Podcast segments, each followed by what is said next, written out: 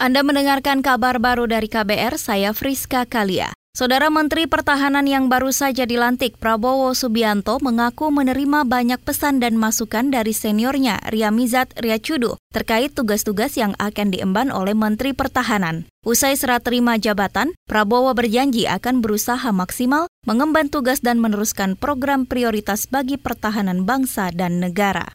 Saya akan meneruskan langkah-langkah yang beliau rintis. Saya akan berusaha untuk berbuat yang terbaik.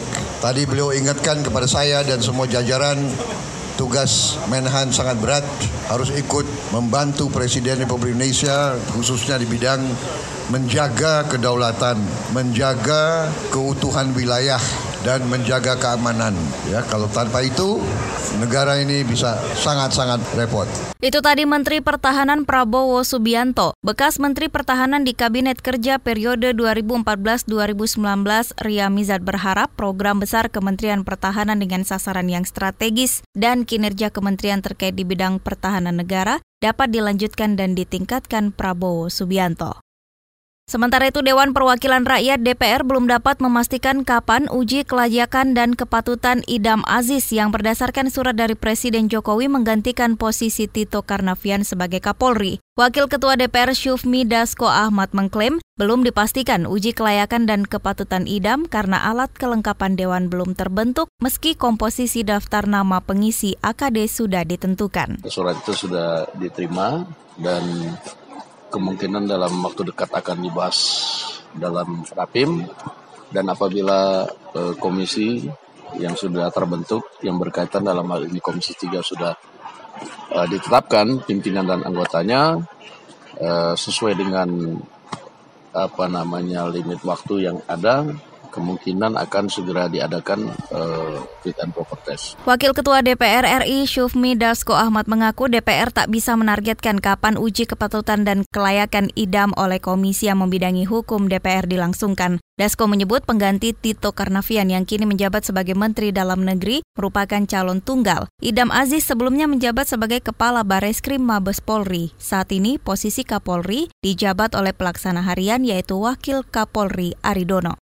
Beralih ke informasi selanjutnya, Kementerian Energi Sumber Daya Mineral ESDM akan memaksimalkan penerapan kewajiban campuran biodiesel sebanyak 30 persen dalam bahan solar dan mobil listrik untuk mengurangi impor minyak bumi. Direktur Aneka Energi Baru dan Energi Terbarukan Kementerian ESDM Haris mengatakan, pengurangan impor minyak merupakan arahan Presiden Jokowi di sektor energi dalam lima tahun mendatang. Nah, yang dilakukan untuk mengurangi impor tentunya untuk diesel tadi tetap melanjutkan program biodiesel Nah, untuk yang lainnya, ya tentunya sekarang juga sudah ada regulasinya terkait dengan pengembangan mobil listrik. Nah, itu diharapkan bisa juga mengurangi ketergantungan kita terhadap minyak. Direktur Aneka Energi Baru dan Energi Terbarukan Kementerian ESDM Haris menambahkan dalam sehari konsumsi minyak bumi di Indonesia mencapai 1,5 juta barel. Jumlah tersebut tak sebanding dengan produksi dalam negeri yang hanya sekitar 800 ribu barel per hari. Dengan B30 di 2020, Kementerian ESDM berharap dapat mengurangi ketergantungan negara terhadap impor minyak yang jika diterapkan bisa menghemat 9,6 juta kiloliter minyak.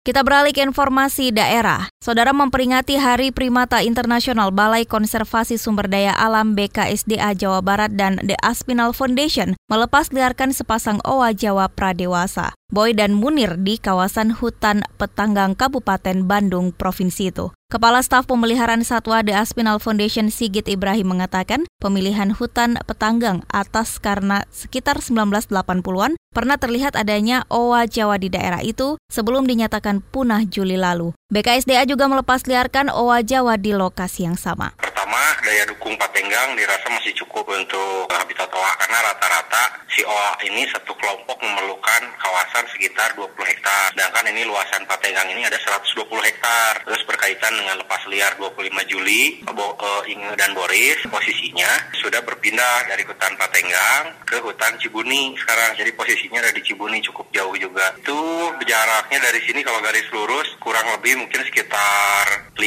kiloan lah. Sigit Ibrahim menambahkan owa yang dilepas liarkan sebelumnya itu kini bergabung dengan tiga owa liar betina yang ada di hutan Cibuni. BKSDA dan The Aspinal Foundation juga terus memantau perkembangan sepasang owa Jawa hari ini yang dilepas liarkan. Selain hutan Petanggang, lokasi lain yang juga dijadikan kawasan habitat owa Jawa yakni hutan Gunung Patuha Kawah Putih, Cimanggu atau daerah lainnya.